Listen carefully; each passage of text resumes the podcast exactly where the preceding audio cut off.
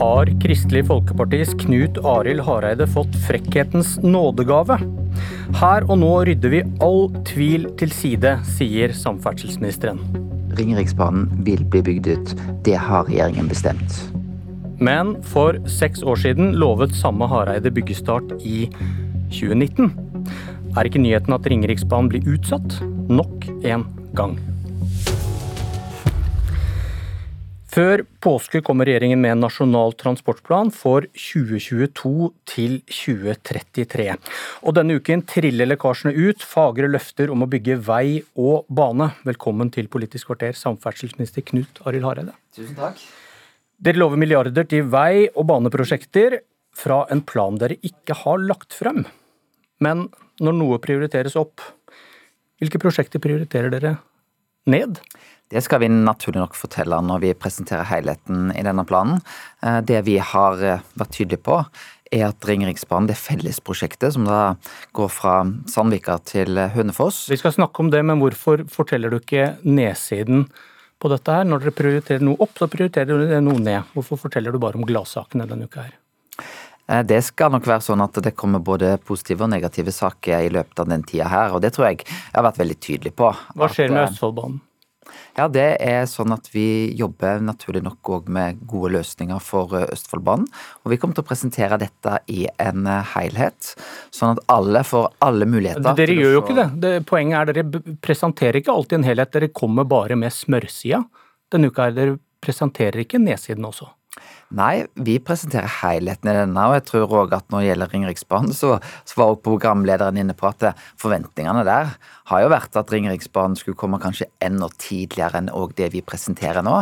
Så vi presenterer det som er riktig for Ringeriksbanen. Hva betyr det at det er valg i år for at eh, du kun kommer med smørsida denne uka?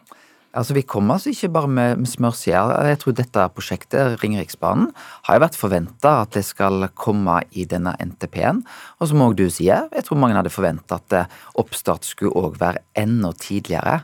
Men pga. at vi har ganske store utfordringer på jernbanen, med store kostnadsoverskridelser, så må vi bli ferdig med de tingene vi har starta opp eh, først. Østfoldbanen er et godt eksempel på det. Der har vi da eh, prosjekt som vi har prioritert. Eh, Sandbukta-Moss-Såstad er vi fullt i gang med. Da jeg kom til departementet, så trodde vi at det skulle være en strekning som kosta 10 milliarder. Eh, Etter en måned i departementet fikk jeg beskjed den vil koste over 13 milliarder. Nå har vi fått signal om nye kostnadsoverskridelser, som jeg må legge fram i revidert nasjonalbudsjett en reell inndekning for. Men eh, poenget er hva vi lærer av dette her. Og i Aftenposten i går da dere lover nå at Ringeriksbanen bygges. Jernbane mellom Oslo og Hønefoss. Det gir kortere reisetid Oslo-Bergen. Her og nå rydder vi all tvil til side. og i går så, så jeg et bilde av deg i Bergens Tidende der du spiser kake. I 2015. Det var også valgår og valgkamp.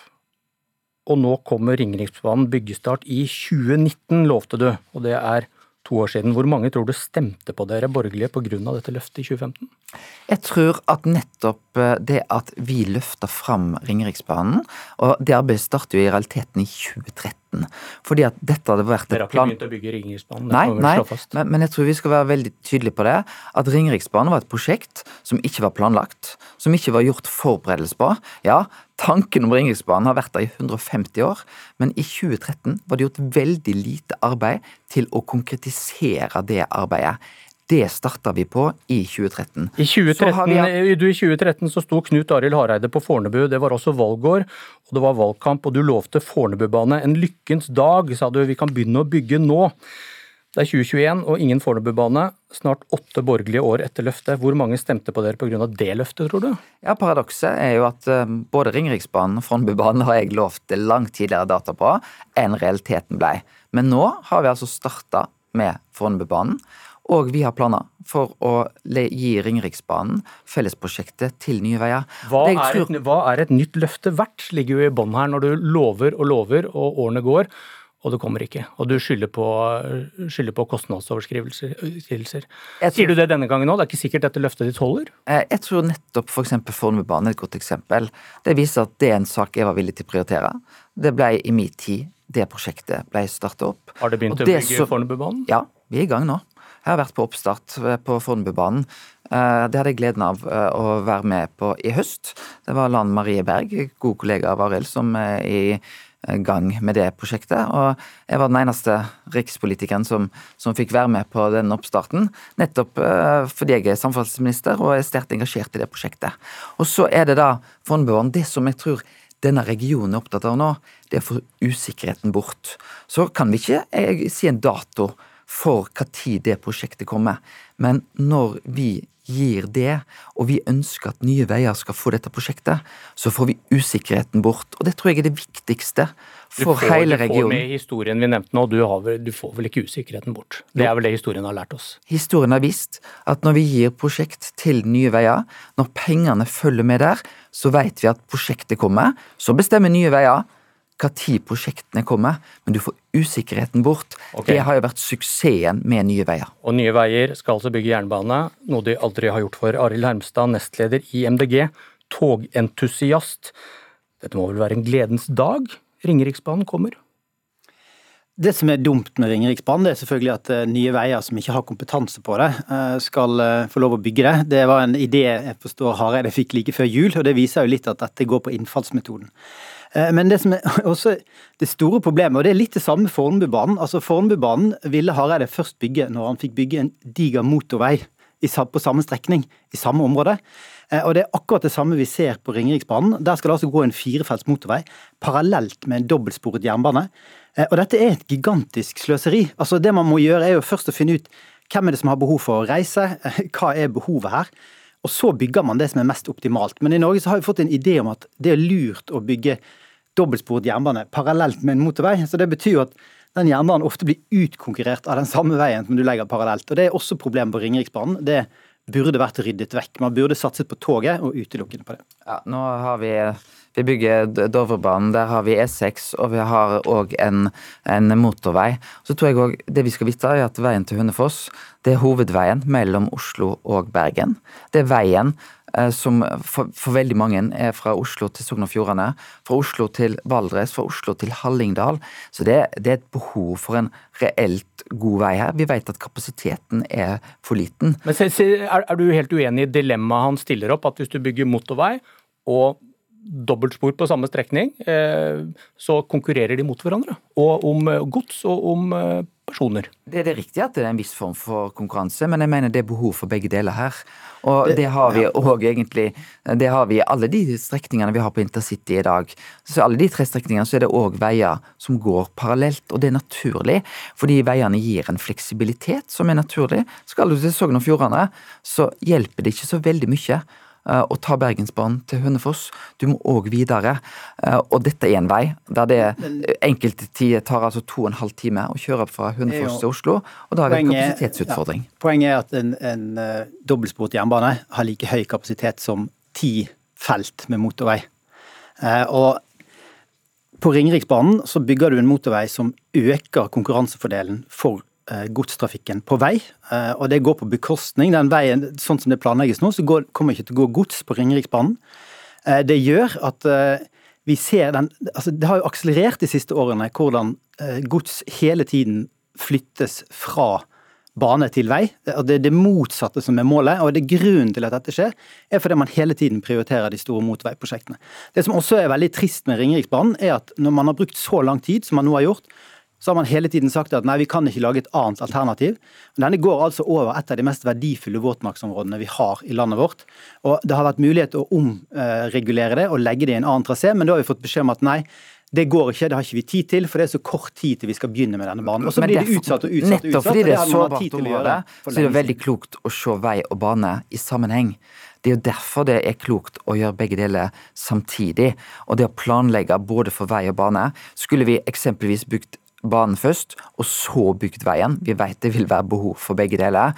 Da ville vi brukt mer areal, større areal. Nettopp fordi dette er et sensitivt område, så er det klokt å se det i sammenheng. men det, er jo disse ville vekstfantasiene dere har. Alt skal liksom vokse inn ja, i med trafikk, si, si, både på jernbane og det, det, det, det, er det som ikke kommer til å skje.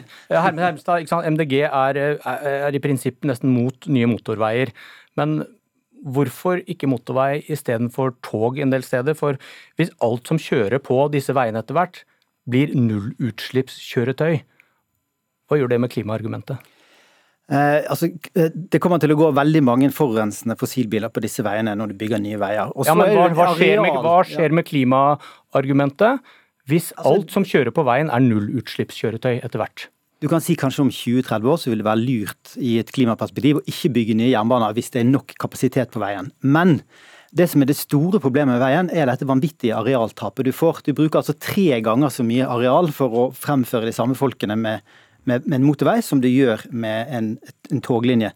Og Naturen vår er i en krise. Vi har ikke uendelig mye natur som vi kan bygge ned, og motorveien er per i dag Altså den store Dette er noe annet enn klimaargumentet, da, så du går med på at det kanskje svekkes når vi får flere og flere elbiler, og kanskje etter hvert lastebiler som kan gå på andre ting enn det som jeg tror er viktig, altså det som er viktig er at uh, hvis du fortsetter å bygge ut motorvei, så kommer du til et punkt hvor det ikke er lurt å bygge tog lenger. Og Det er det de holder på med nå. og Det, det er en veldig farlig utvikling. for det er Ekspertene veldig... peker på at nettopp, ja eh, jernbanen. Jeg bygger jo jernbane. Jeg har prioritert virkelig jernbanen i det første budsjettet jeg la fram.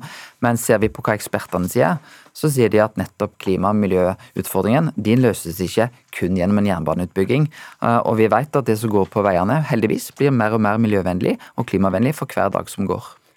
Vi ønsker velkommen tilbake når du også er villig til å snakke om nedsidene, Knut til Hareide. Takk for invitasjonen.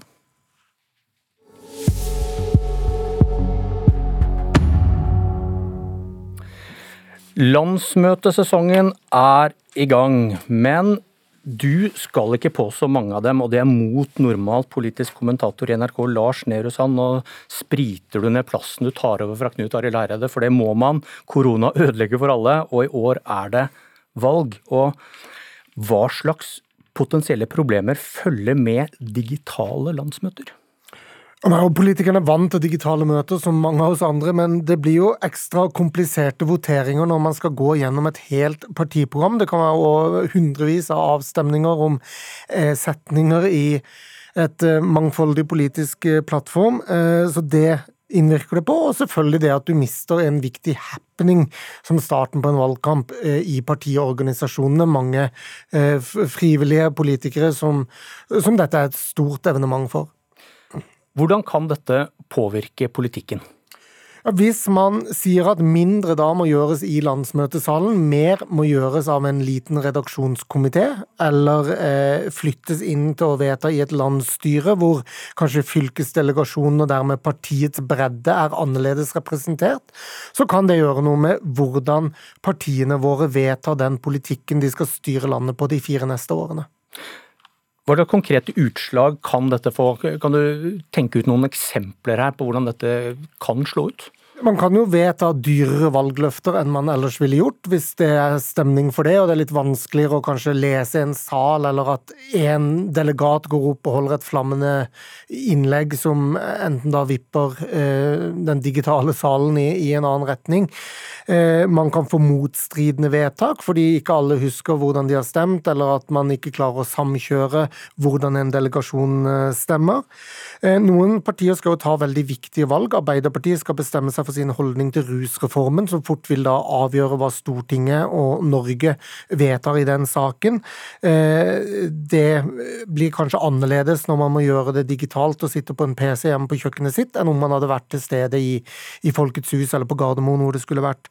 Eh, for Fremskrittspartiet skal de ta avskjed med Siv Jensen, og da kanskje må gjøre det digitalt, eh, som blir en helt annen ramme rundt et viktig lederskifte i partiets historie, enn om man hadde gjort det samla som partifamilie.